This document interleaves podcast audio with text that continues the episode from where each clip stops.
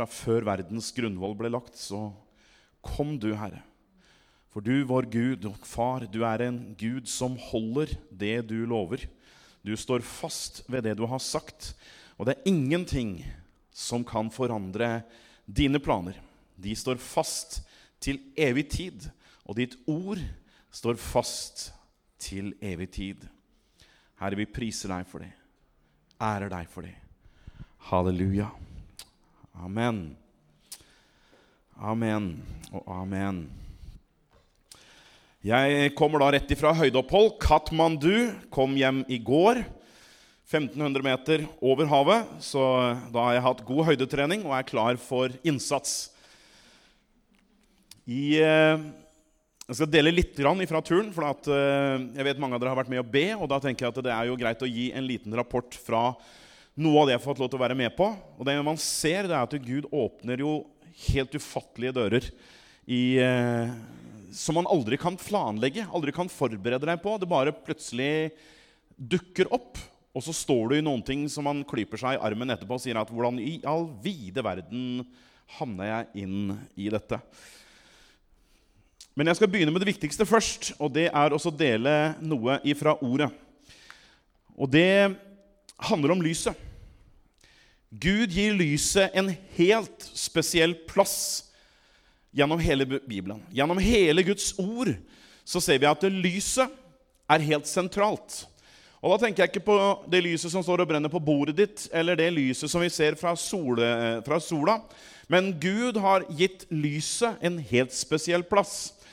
Og Det kan vi gå fra Bibelens første blad, kapittel 1 i første Mosebok, fra vers 1. Der begynner det. Og der setter Gud agendaen. Det er ofte sånn når du leser i Bibelen, at det som kommer først det er det som setter tema, det er det som setter agendaen for hva som står videre i den boka. Og Det som begynner her, er at Gud skaper. Og I 1. Mosebok 1.1 så leser vi at i begynnelsen skapte Gud himmelen og jorden. Jorden var uformet og tom, mørket lå over havdypet, og Guds ånd svevde over vannflatene. Da sa Gud, 'Det blir lys', og det ble lys. Gud så at lyset eh, at det var godt, og Gud skilte lyset fra mørket. Gud kalte lyset dag, og mørket kalte han natt. Så ble det kveld, og det ble morgen den første dagen. For mange mennesker så er dette en ganske stor utfordring. det her At det kommer lys før solen kommer til. Og for en del mennesker som er særdeles festet til denne verden, så er dette en snublesten av rang. Sola kommer jo ikke før en fjerde dag, så her har man problemer med hva er da dette? Og Gud sier selv at dette er lys. Og mennesker som kobler seg til solen, tenker ofte at det er sola vi er avhengig av for at vi skal kunne leve. Men det er nettopp derfor Gud sier at han er den som skaper himmelen og jorden i begynnelsen. Og der skaper han lys. For det han sier, 'Det er meg dere er avhengige av'. For himmel og jord skal forgå, solen skal forgå, men Gud vil bestå til evig tid. Og når du leser avslutningen av boka, når du leser begynnelse og avslutning, så ser du at det avsluttes også med at det ikke er noen sol, men at Gud er lyset i den evige byen. Og han beviser med andre ord at det er ingenting av det naturlige i denne verden som er, som er avhengighetsdannende for oss. Det er Gud som er den eneste som vi er avhengig av. Og det er Han som opprettholder alle ting. Det er Han som står fast ved alle ting. Og Dette er nettopp poenget med at Gud i begynnelsen markerer at han er skaper av lys. Det er han man er avhengig av. Det er han verden er helt avhengig av for å kunne leve. Hele vår eksistens står og faller på hans eksistens, ikke på solens eksistens. For den er skapt av Gud og underlagt Guds orden. Og så har Gud satt alle ting i sin orden for at dere skal tjene oss. Og det er jo ganske imponerende. Hvorfor har Gud skapt hele universet? Jo, fordi hele universet er der for å tjene oss. Vi er helt avhengig av En del vitenskapsmenn sier at eh, vi er helt avhengig av karbon. Og karbon det dannes ikke naturlig på kloden her, men det dannes ute i verdensrommet når stjerner eksploderer. Og der produseres dette karbonet som vi er helt avhengig av. Så vi kalles ofte for stjernestøv. Og det er jo ikke noe dårlig. Vi er stjernestøv. Vi er helt avhengig av at stjernene både eksisterer og eksploderer for at vi i det hele tatt skal kunne leve på denne kloden her. sånn. I eh, vitenskapen så kaller man dette her også for det antropiske prinsipp. Det betyr antropos er menneske. Det betyr at når Gud skapte jorda, og det leser vi i Jesaja Når Gud skapte jorda, så skapte han den slik at menneskene kan bo her. Og det er slik at det her er den eneste plass i universet der mennesker kan bo. Det finnes ikke et annet planet. Nå har man prøvd i evige tider. Man har hatt et stort prosjekt der man har prøvd å finne aliens ute i verdensrommet, men det er ingenting som tyder på at det er noe annet der ute. Og nå har man kjørt det så lenge, men nå har man fått ny teknologi, så nå er det flere da som har satsa mer penger på at nå skal vi finne om det er noe annet der ute. Men jeg tror det er ganske håpløst prosjekt. For at Gud han har sagt det er her det har gjort seg mulig for oss å bo. Og det var hit han sendte sin sønn, for at han skulle være synlig til stede i vår verden. Gud skapte dag og natt for å vise at dagen og natten hører Herren til. Mange ganger så hører vi snakk om mørkets rike og mørkets fyrste. Og det er helt klart at han har en viss innflytelse. Men det er ikke slik at han har herredømme. For dette herredømmet det har nemlig måttet bøye kne i forhold til han som sier om seg selv i avslutningen av sitt liv.: Meg er gitt all makt i himmelen og på jorden. Og når jeg gikk på barneskolen, så var det sånn at eh, ordet 'all' det betyr alt. Og hvis han har alt, hvor, my hvor mye er det igjen da til den andre? Ingenting. Det er ganske enkel grammatikk.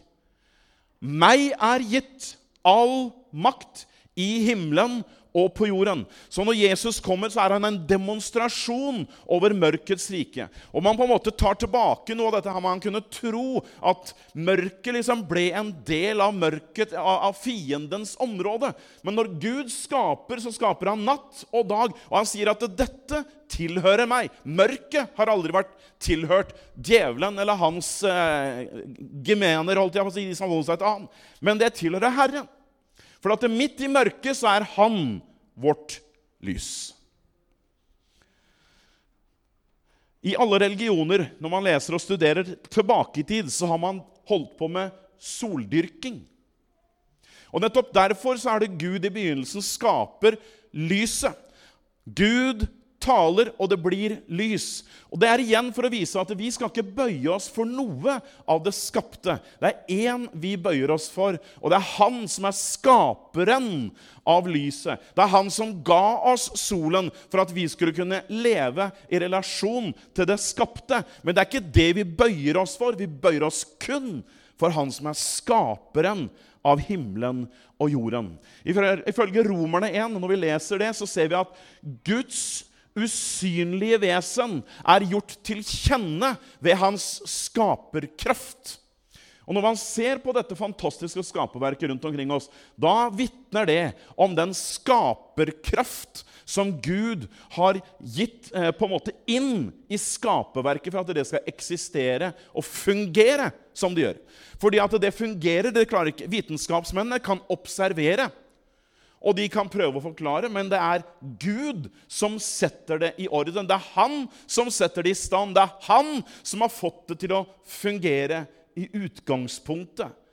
Og det er derfor han vi bøyer oss for. Når vi ser det skapte, så vitner det om en skaper med uendelig skaperkraft. Og ikke bare skaperkraft, men det står at han opprettholder det skapte ved sitt ord. Og Det gjør at jeg får en ydmykhet i forhold til når jeg leser Bibelen. Det er ikke en vanlig bok, men det er en bok som vitner om det ord som opprettholder skaperverket i den orden som det gjør. Og hvis det opprettholder skaperverket, ja, da velger jeg at det skal opprettholde den åndelige verden i mitt liv også.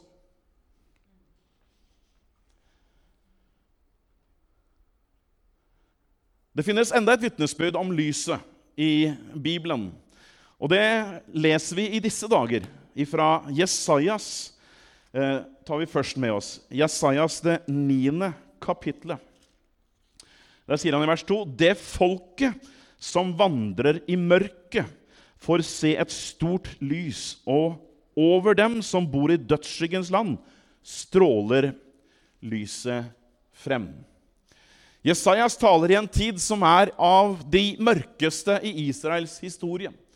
En periode der det var eh, utrolig vanskelig å kunne holde fast ved å tro at Gud skulle klare å opprettholde det han hadde gitt løfte om, nemlig at de skulle komme tilbake til sitt eget land. Men Gud er den som taler, og han er den som gir løfter. Og disse profetordene som han gir, da må vi se på et vers fra 1. Peters brev, hva han sier om det profetiske ord. I 1. Peters brev 1, og jeg skal bare ta uh, ja, Det er sikkert 2. Peters brev jeg mener. Det er det, vet du. 2. Peters brev 1, 19 så sier de det her er egentlig noe du bør lese hjemme, fra vers 16 til 21. Men vi skal bare for tidens skyld ta tak i vers 19, for det er det vi ønsker å løfte fram. Og desto fastere har vi det profetiske ord, som dere gjør vel i å holde fast på. Som på et lys som skinner på et mørkt sted inntil dagen gryr og morgenstjernen går opp i deres hjerter. Vi lever i en eh, ettertid av det som var renessansen. Deretter kommer den såkalte opplysningstiden, da mennesket tok rasjonaliteten fatt og intellektet fatt. Og det var intellektet som ble opplyst, og man forsto hva det hele dreier seg om. Men Bibelen bringer et lys, et profetisk lys. Og Da snakker vi ikke bare om Jesu gjenkomst en eller annen gang der framme. Men Bibelen har hatt profetisk lys hele veien. I dag som vi lever i informasjonens og teknologiens tidsalder mer enn noensinne, så er den ikke noe annet enn refleksjoner av det som foregår til enhver tid. Mens det profetiske lys det gir oss opplysning og innsikt i hvordan man navigerer midt i den mørket som vi lever i i dag. Men samtidig hva jeg skal ha som holdepunkter og faste linjer i møte med fremtiden. Det finnes visse ting som vi står fast ved fordi at det profetiske ord har åpenbart det for oss. Og vi står fast ved dette i møte med den tid som ligger foran oss. Man sier ofte at vi i Vesten går en postkristen tid i møte, en etterkristen tid i møte, der det ser ut som hedningetenkningen og gudsforlattheten er det som skal overta og råde. Og det er det humanistiske og kanskje til og med det ateistiske som skal råde. Men ingen av disse grupperingene har noen som helst holdepunkter eller retningslinjer eller forstand på den verden som vi lever i. Den verden vi lever i, sier altså når vi ser på universet, den er så kompleks, så sammensatt, at det er bare den himmelske Gud som gir oss sann forståelse på hvordan vi møter livets utfordringer. Derfor er det profetordet det vi holder fast på desto sterkere i møte med de utfordringer som vi møter i dag, og de vi kommer til å utfordres med i morgen. For det profetiske ord omtaler allerede hva vi kan forvente. Og da er det sånn at Når vi vet et profetisk ord hva det sier, så kan vi forberede oss og innstille oss på det allerede nå. Profetordet det sier Lisran også om fra Jesajas-teksten, om han som skulle komme. Det folk som lever i mørket. Israel hadde levd i et totalt mørke. Siste profeten vi har i Det gamle testamentet, er Malakia. Fra hans er det 400 år med total taushet. 400 år. Det er de som var vant til å se at Gud gikk foran de i skystøtte og ildsøyle. De som var vant til at profetene kom og talte. De som hadde sett hvordan Gud oppfylte alle løftene de hadde fått om løfteslandet. De som hadde sett det profetiske ord gå i oppfyllelse under David, under Salomo. De som hadde sett hvordan Gud grep inn, levde helt plutselig i et totalt mørke. Og Jesajas er den som profeterer inn i det mørket her sånn, og viser at Gud han holder det han lover. Ja, vi kommer til å oppleve mørke. Ja, vi kommer til å oppleve stillhet. Vi kommer til å oppleve dager der vi opplever det som veldig krevende og vanskelig. Det tror jeg er en normal eh, opplevelse for de fleste av oss.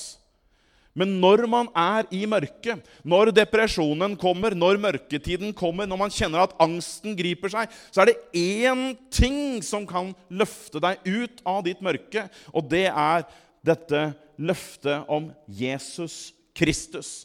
Han som kom for å oppfylle alt det Gud hadde sagt. Han som har demonstrert og vist, mer enn noe annet, at Gud står fast ved det han sier.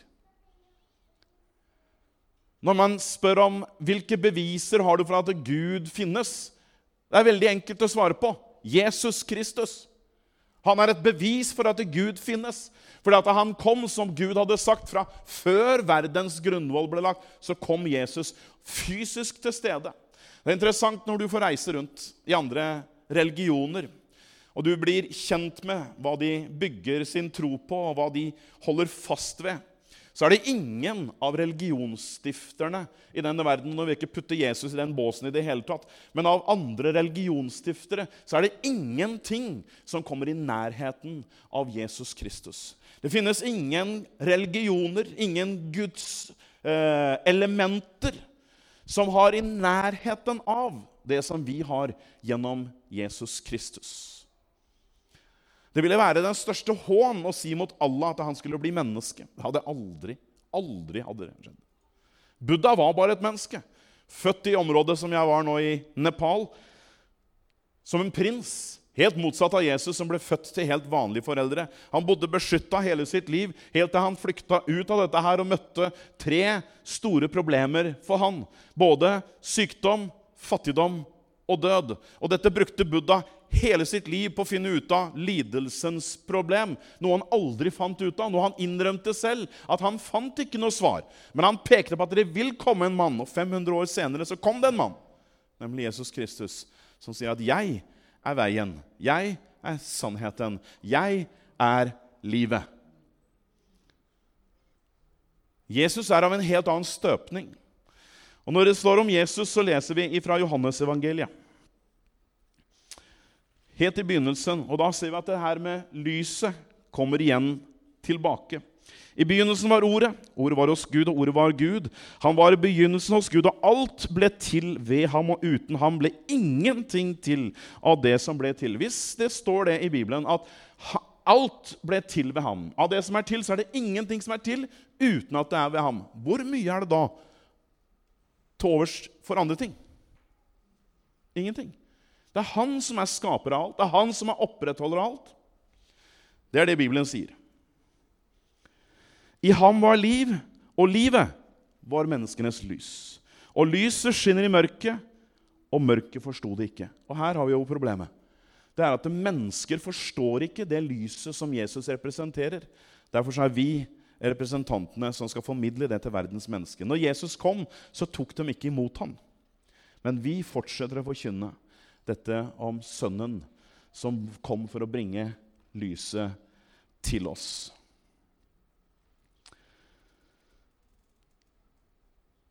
Jesus sier også om seg selv i kapittel 8, og er siste referansen vi skal gå til. Jeg er verdens lys. Det er et ganske frimodig uttalelse hvis man ikke vet at det man sier, er 100 sant.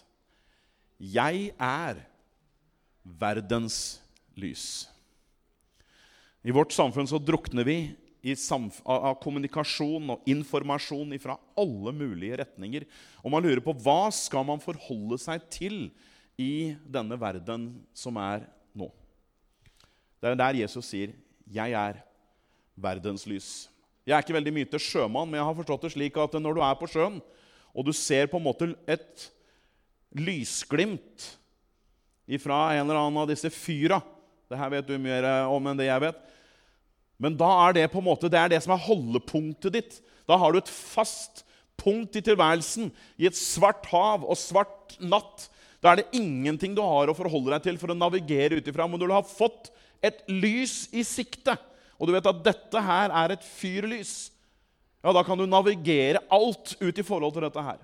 Når vi lever i denne verden her med så mye forvirring, så mye informasjon, så mye ting som foregår alt på en gang, så er det noe som står fast, og det er han som sier om seg selv 'Jeg er verdens lys'. Og han har et utrolig løfte til de som følger ham, for han sier nemlig 'Den som følger meg, skal ikke vandre i mørket, men ha livets lys'.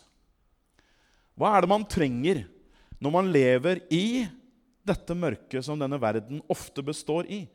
Jo, det er nettopp her man trenger livets lys. Og livets lys det innebærer at han gir innsikt i hvordan dette livet kan leves. Når Jesus kom, så kom Jesus for å frelse oss ifra vår synd. Frelse oss ifra vår skrøpelighet, fra vår svakhet. Og det har vi ofte fokusert på. Men når Jesus kom, så kom han også for å frelse oss til noen ting. Han kom for å frelse oss til noe. Han ga oss nemlig Jeg pleier å si at Jesus frelste oss fra Han fjernet all min synd. Da har jeg null penger på kontoen. Da har han fjerna all min gjeld. Alt jeg skyldte, det fjerna han. Men så kom han for å gi meg sin rettferdighet. Da har han plutselig fylt opp penger på kontoen som er mer enn jeg kan bruke. Og så har han tenkt å gjøre noe med i tillegg til det. Han har lært meg hvordan jeg skal bruke det han har gitt meg del i. Den rikdom jeg har fått del i som en troende. Jeg har fått del i hans rettferdighet. Og dette kan jeg dele med meg. Jeg har fått del i hans kraft. Dette kan jeg dele med meg. Og Det er der Jesus demonstrerer for oss dette her med livets lys. Der han viser hvordan er det vi som troende kan leve slik som Jesus var. Vi er, som Johannes sier, slik som han var, midt i denne verden. Ofte når Jesus fremstilles, så er det som et moralsk forbilde. Men Jesus er det også. Men han er enda mer. Han er også en demonstrasjon i å leve i fylden av Guds ånd. Og der kan du og jeg også leve. For i forhold til Johannes så sier Jesus at vi skal få del av denne ånd som skal komme som strømmer av levende vann fra det indre. Og Der tenker jeg han har gitt oss så mange muligheter. Så mange muligheter. I en tekst, eh, eller i en bibeloversettelse som jeg ble litt sånn fascinert av når jeg leste eh, Kolosserne 1,12 står litt annerledes i det norske, men i en engelsk oversettelse som heter New International Version, så bruker man der at vi har fått del i lysets rike. Vers 13, Du kan, få, eh, du kan fint forene det når du leser vers 12 og vers 13. Eh, I den norske oversettelsen er det ingen som sier at det lyset, du får helliges arv i lyset. Men det er også i en New International-versjon så står det at vi får del i lysets rike. Og Jeg likte akkurat det begrepet. der, sånn. Det betyr at vi lever i et rike som er styrt av andre prinsipper, andre retningslinjer, enn det verdens mennesker lever i. Vi lever i lysets rike. Vi tar del i det som er lysets frukter, av Sønnens frukter, det som er skapt ifra hans fellesskap med Faderen. Vi er frelst til fellesskap med Faderen.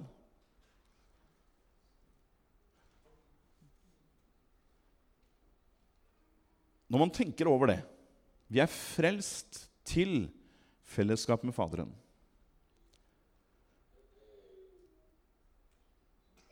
Så er det én ting at vi har fått gjennom det fått muligheten til å komme fram for nådens trone i bønn. Men når han sier at vi har fått del i fellesskapet med Faderen, så har han åpna enda større muligheter. Paulus han sier at vi er medarbeidere. Vi er medarbeidere. Vi arbeider med Faderen. Vi arbeider i Faderens ærend. Det er hans arbeid. Vi er med og arbeider i denne verden her sånn. Sammen med Gud. Jeg tenker at Det gir oss utrolige muligheter. og Det, det, liksom, det nesten sprenger kapasiteten min. At, hvordan kan det være slik at vi faktisk arbeider sammen med Gud? Men det er nettopp det vi gjør. Ofte så tenker jeg at man jobber for Gud. For at vi er der at vi er Gud, du har frelst meg, og du fortjener alt, og derfor så jobber jeg for deg. Men Gud sier at du kan aldri betale tilbake uansett. Så istedenfor at du jobber for Gud, så kan du jobbe med Gud. Og det tenker jeg er en spennende del. Så når jeg står opp om morgenen, så kan jeg spørre Gud hva skal vi gjøre i dag? Hva har du tenkt at vi skal gjøre i dag? Hva holder du på med, Gud? Hva kan jeg være med på som du holder på med? Og så blir det ofte sånn da, som den lille guttungen som løper frem og tilbake her, sånn at han blir med pappa av og til på jobben. Og Det er ikke mye han egentlig bidrar med, men allikevel så tar pappa han med. Og Det er pappa som gjør jobben, men den lille følelsen av at han er med. At han er med på det som skjer. Og Det er jo nettopp det som er når vi jobber med Gud. Det er han som gjør jobben, men vi får lov til å være med og merke hvordan han åpner dører, hvordan han legger ting til rette. Jeg føler jeg har opplevd det nå helt konkret i den uh, runda jeg har vært. Jeg må gi litt sånn detaljer, for det er av og til uh, noen som sier at djevelen er i detaljene, men det er jeg ikke helt enig i. For jeg ser mye mer at Gud er i detaljene. Når vi ser hvordan Gud så nøyaktig oppfyller det profetiske ordet til stadighet, så ser vi bare at det, ja, det er Gud som står for detaljene. Djevelen skal ikke få den heller, for å si det sånn. Jeg reiste først til India, har hatt et veldig tett program der, sånn, og det var for så vidt normalt, det som foregikk der. Men så hadde jeg fått nyss om at eh, Franklin Graham skulle til Kambodsja. Og Jeg sitter i et internasjonalt styre for arbeid i Kambodsja. Vi har 105 barnehjem. 3000 barn, Oppdratt 20 000 barn gjennom dette arbeidet. Planta 6000 menigheter. Eh, og det får, vi lov til å stå i. Men det er stadig utfordringer i dette arbeidet. her. Sånn. Så For to år siden så hadde jeg privilegiet av å tolke for Franklin Graham når han var her i Norge. Normalt sett så får du være sammen med Franklin 20 minutter for å liksom gå gjennom budskapet. og hva, Hvis det og det skjer i møtet, så går man igjennom alle detaljer, så at ikke noe skal få lov til å forstyrre det som er hovedsaken. Mennesker skal bli frelst. Eh, I løpet av den samtalen vi hadde på hotellrommet hans, så, så spurte han hva jeg holdt på med.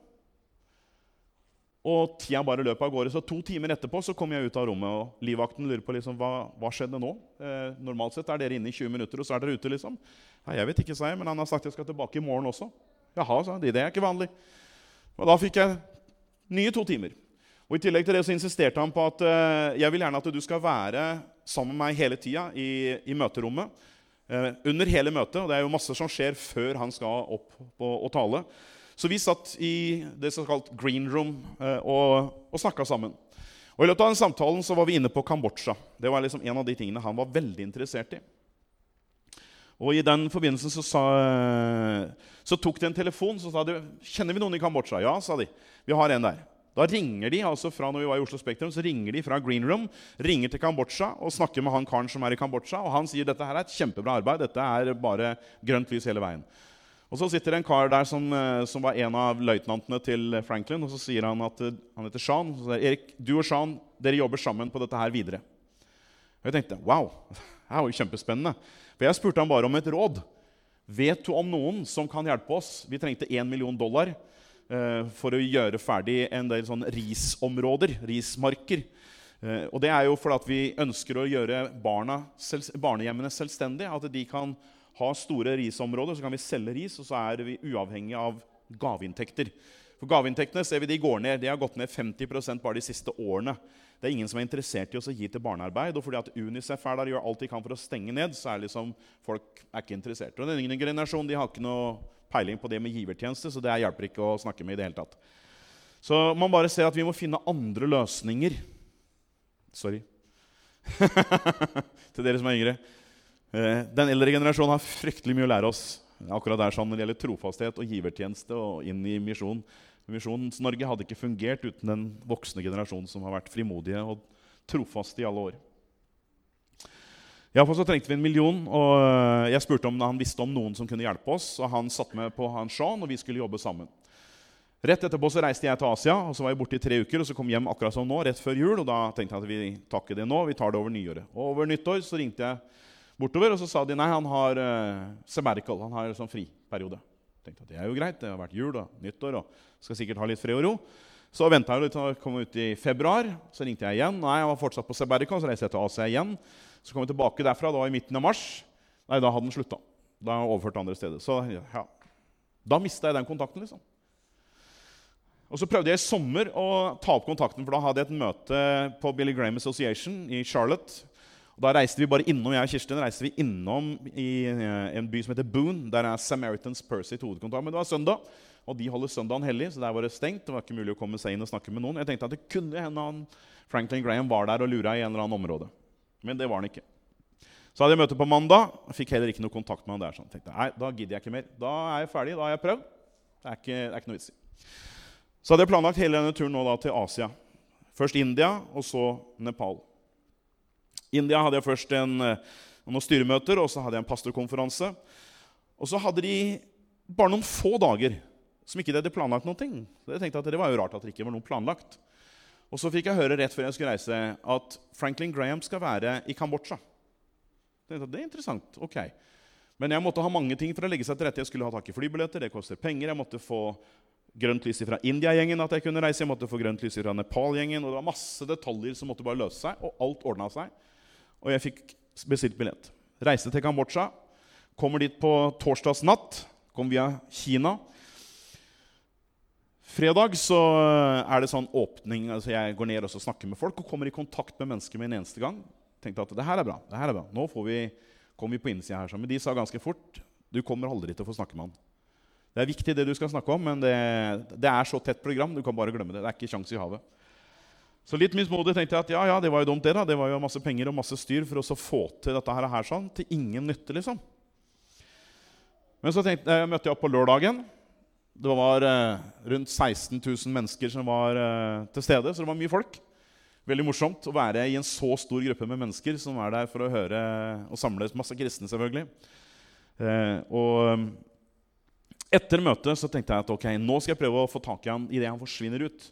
Og Så løp jeg bort dit da jeg så de skulle gå ut, og så snakka jeg med en av livvaktene. og Han kjente meg igjen. Så han sa gi meg telefonnummeret ditt, så, så ordner jeg et møte. Tenkte jeg, yes, nå er vi i gang. Men så forsvant han, så jeg fikk aldri gitt han noe telefonnummer. Jeg tenkte, Nei, hva gjør jeg nå, liksom? Så satt jeg, så satt jeg og prata med Kirsten, og så fikk jeg plutselig inn i det. Så, Kirsten, jeg må bare legge den på. Og da, da skriver jeg bare et lite, lite notat. Og så telefonnummeret på. Så kommer jeg søndagen og kjempeoptimistisk. Og så sier de igjen at du, i dag kan du i hvert fall glemme det. Det er ikke nubbekjangs. I dag er det helt verre. Han skal reise i dag og hele pakka, så det er bare helt umulig. Men så er det en av de som er i lovsangsbandet, som heter Tommy Coombs band. Og Tommy, Tommy sjøl var den som kom til meg. Han har vært eh, sunget i en gruppe som heter Lovesong, blant annet. Sammen med Chuck Girard. Her, Chuck Girard, det her er liksom 70-tallet og Jesusvekkelsen. Og eh, så sier han eh, De syntes det var veldig hyggelig å treffe meg igjen, for de var de som sang i Oslo også. Og så hadde vi en lang prat, og så fortalte jeg han om det her. her sånn, sånn. Vet du hva, sa han. Jeg skal fikse det. Nei, nei, nei, sa jeg. Du må ikke jeg vil ikke bruke noe vennskap og åpne noen dører. Nei, det er har ikke noe med det å gjøre. sa Jeg bare kjenner at jeg skal snakke med noen. Og så forsvant han inn, for han hadde da backstage. Jeg hadde bare sånn VIP-pass, så jeg kunne bare komme så langt, men ikke lenger. Og så kommer han ut igjen og har med seg den personlige sekretæren til Franklin Graham. Og Så snakker jeg med henne, og så sier hun at det er mye bedre du snakker med meg. Så. Det er ti ganger bedre, for Hvis du gir den lappen til Franklin, så putter han den i lomma, så glemmer han det. Så nå blir det tatt hånd om. Men hun hadde ikke noen sånn eh, hun hadde ikke noe businesskort igjen, så jeg, hun sa jeg sender deg en bekreftelse. jeg sender deg mailen min, Så vet du at vi er på kontakt. Og så, så fort jeg kom på hotellrommet, klikk, der kom mailen inn. Nå er vi i kontakt. Så det blir spennende å se. Men så satte jeg meg ned i det møtet og tenkte at halleluja, det her er jo, her er jo veldig stilig, da. og så kommer en kar og setter seg ved siden av meg, og så begynner han å lure på hvem, jeg er, hva jeg driver med. Og jeg fortalte det, og så sier han det var interessant. sånn. Vi sa jo at vi skal på medisinsk team nå til Kambodsja i, eh, i februar. Inn med et helseteam. Og så sliter vi med å få godkjenninger. eh, for disse helseteamene. Og så sa han at det her kan jeg ordne, sånn, for du skjønner at jeg er medisinsk attaché for den amerikanske ambassaden. Så det her kan jeg ordne seg, for han, jeg får inn medisinske team hele tiden. Så det her kan vi få til. Ja vel, sa jeg. Det var interessant. Eh, er det andre ting dere sliter med? Kan, ja, vi, vi har problemer med Unicef i forhold til å få godkjenninger. Ja, det kan også være med å hjelpe dere sånn. Ja, det var interessant. Du, jeg fikk en idé her. Her Forrige uke så ble jeg kontakta av Angelina Jolie. Hun er, var gift med Brad Pitt og er noen av de mest veldedige av disse celebritetene som du finner i uh, USA. Uh, de har nemlig en foundation, og de ønsker å med, begynne med honning. Så sa jeg mm, vi har 105 barnehjem, og vi har folk som jobber på disse stedene. Vi kan jobbe sammen. Det er interessant sånn. Vi kan bli partnere. Så nå er vi i gang med det. Det har gått mailer fram og tilbake. Ted, som er leder i USA, eller leder i Kambodsja, han er antageligvis på den amerikanske ambassaden nå. Eh, neste gang jeg kommer ned i februar, så skal jeg på den amerikanske ambassaden, for de insisterte på at vi skulle ha et møte der. Så jeg tenkte at eh, du verden, her åpner det seg dører som altså, jeg, Hvordan kommer man i kontakt med dette her? Det ikke vet jeg. Og så var jeg i Nepal nå på slutten. Siste del. Eh, og skal besøke han som er nasjonal leder for arbeidet. Og eh, vi prata om alt mulig, og så sa han jeg må være innom bygget og så snakke med en kar som er her og bygger noe greier. Og Så traff jeg en kar, han heter Erik, han også. Det er et veldig veldig flott navn, så Vi fikk jo kontakt med en eneste gang. Og Det viste seg at han driver et svært firma i USA, byggefirma i USA og elsker å bygge. Og Så jobber han også for en svær internasjonal forening som ikke jeg skal nevne navnet på. Eh, men de jobber med veldedighet på internasjonalt plan. Og så hadde jo han spurt meg hva jeg holdt på med, og så sa han at det her er interessant. Vi har mer penger enn vi vet hva vi skal bruke, med, bruke til. Så sa jeg ja, vi, vi, kunne ha trengt 750 000 dollar. Ja, Det er jo ingenting, sa han. Det kan vi fikse. Ja vel, sa jeg. Da skal vi snakke sammen. Så det er vi i gang med nå. så det her er sånne, sånne ting som, så Det er bare Gud som kan gjøre en del av disse åpningene her sånn. Og jeg spurte denne organisasjonen liksom, kan de, det her er en kristen organisasjon. har ingenting å si, sa han. Vi, vi, hjelper alt. Vi Vi kan hjelpe hva som helst. Så vi har masse penger til rådighet. Så det er bare å sette i gang prosessene. Så får vi se da. Nå er ikke penger kommet på konto ennå. Vi vet enda ikke om det her ordner seg. Vi vet enda ikke om vi skal begynne som birøktere i Kambodsja. Men det er noe dere kan be videre om. Om at Gud skal fortsette på den veien som han har eh, startet. Og så får vi se hvordan det her ender henne. For her kan man plutselig stå overfor en situasjon der vi ser at ikke bare har vi risdyrking, som vi får da tjent penger på, som gjør at vi kan holde barnehjemmene oppe, men i tillegg kan man få produksjon av honning og få en avkastning på det. Og da er det ytterligere et næringsgrunnlag til å holde dette her gående. Jeg sier bare Gud gjør ufattelig mye spennende. Og det her får man være med midt oppi, liksom. Og se hvordan Gud gjør ting. Og dette er tilbake til litt av tekstene her. sånn. Altså, Han bringer et lys inn i vår hverdag som gjør det umulige mulig. Det å leve sammen med Jesus det er ikke bare den medmenneskelige delen. Det er det også, men det er til de grader også den overnaturlige delen.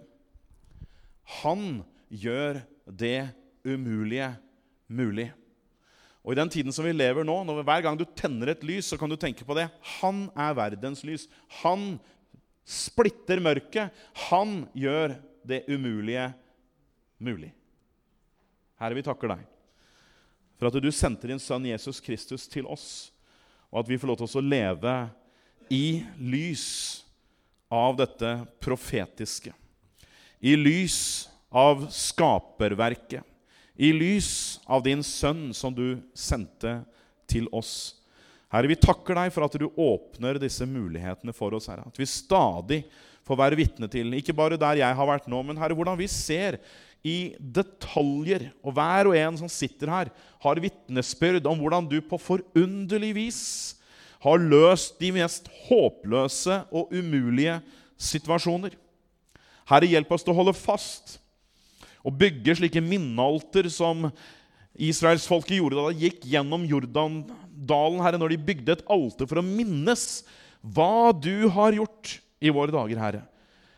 Vitnesbyrdene om din inngripen i vår situasjon, Herre. For du har sagt du er verdens lys. Og de som følger deg, skal ikke vandre i mørket, men ha livets lys. Takk, Herre, at vi får lov til å lyse opp vår sti, de veiene vi har gått, Herre. De fotsporene vi har gått sammen med deg, er lyst opp av disse minnesmerkene der livets lys har brutt igjennom i vårt mørke. Herre, vi takker deg for at du er så levende interessert i vår hverdag, i våre liv, i vår verden. Herre, at du har skapt den, og at du opprettholder den, og at du har en plan med disse menneskene som lever i denne verden. Herre, vi takker deg for det i Jesu navn. Amen.